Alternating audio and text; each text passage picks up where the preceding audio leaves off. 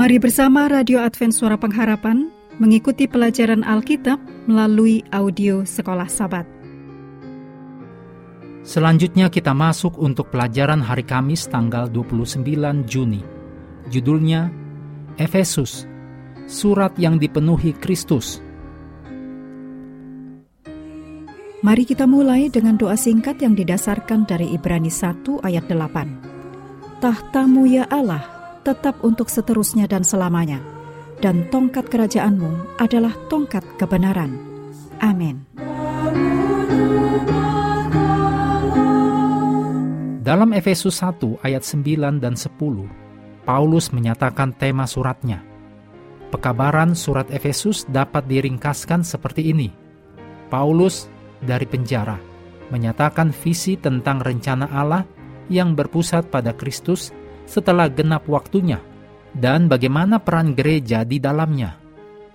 Allah bertindak di dalam Kristus untuk memulai rencananya, untuk mempersatukan di dalam Kristus sebagai kepala segala sesuatu, baik yang di sorga maupun yang di bumi.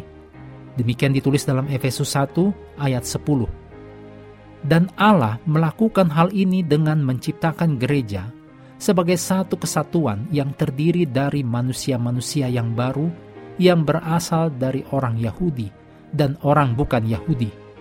Demikian ditulis dalam Efesus 2 ayat 14.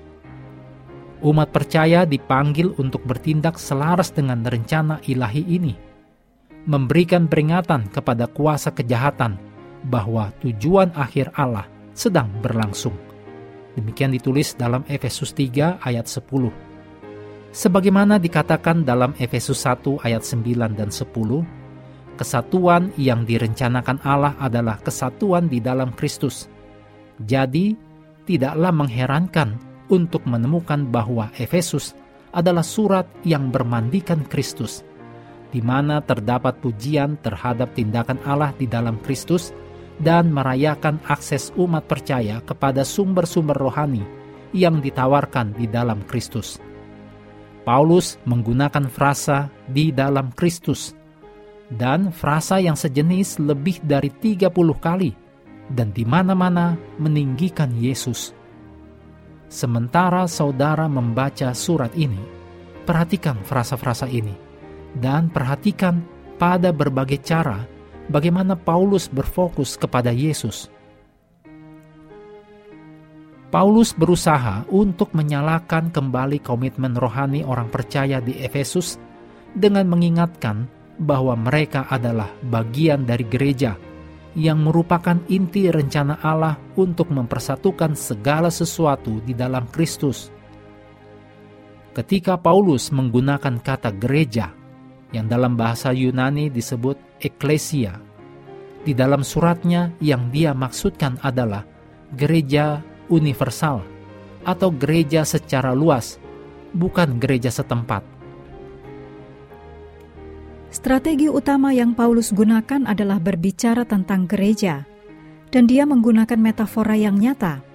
Empat di antaranya dikembangkan secara rinci.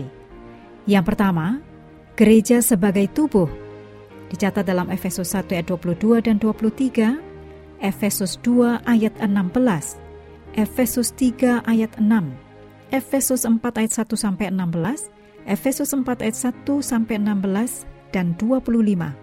Efesus 5 ayat 23, 29 dan 30. Yang kedua, gereja sebagai bangunan atau bait suci. Ditulis dalam Efesus 2 ayat 19 sampai 22. Ketiga, gereja sebagai pengantin perempuan dalam Efesus 5 ayat 22 sampai 27. Dan keempat, gereja sebagai prajurit ditulis dalam Efesus 6 ayat 10 sampai 20. Masing-masing gambaran ini dengan caranya sendiri mengungkapkan apa maksud dan tujuan Allah bagi gerejanya. Di gereja di mana saudara menjadi bagiannya, yaitu gereja Masehi Advent hari ketujuh, Allah sedang menyatukan suatu komunitas berbagai bangsa, multibahasa, antar budaya. Demikian ditulis dalam Wahyu 14 ayat 6 dan 7. Yang menuju kepada pemenuhan rencana Allah untuk mempersatukan segala sesuatu di dalam Yesus yang dicatat dalam Efesus 1 ayat 9 dan 10. Doakan dan renungkan bagaimana kita dapat bekerja selaras dengan rencana besar Allah ini. Mengakhiri pelajaran hari ini, mari kita kembali ke ayat hafalan kita dalam Efesus 1 ayat 9 dan 10. Sebab ia telah menyatakan rahasia kehendaknya kepada kita, sesuai dengan rencana kerelaannya, yaitu rencana kerelaan yang dari semula telah ditetapkannya di dalam Kristus, sebagai persiapan kegenapan waktu untuk mempersatukan di dalam Kristus sebagai kepala segala sesuatu, baik yang di sorga maupun yang di bumi kami terus mendorong Anda untuk mengambil waktu bersekutu dengan Tuhan setiap hari bersama dengan seluruh anggota keluarga.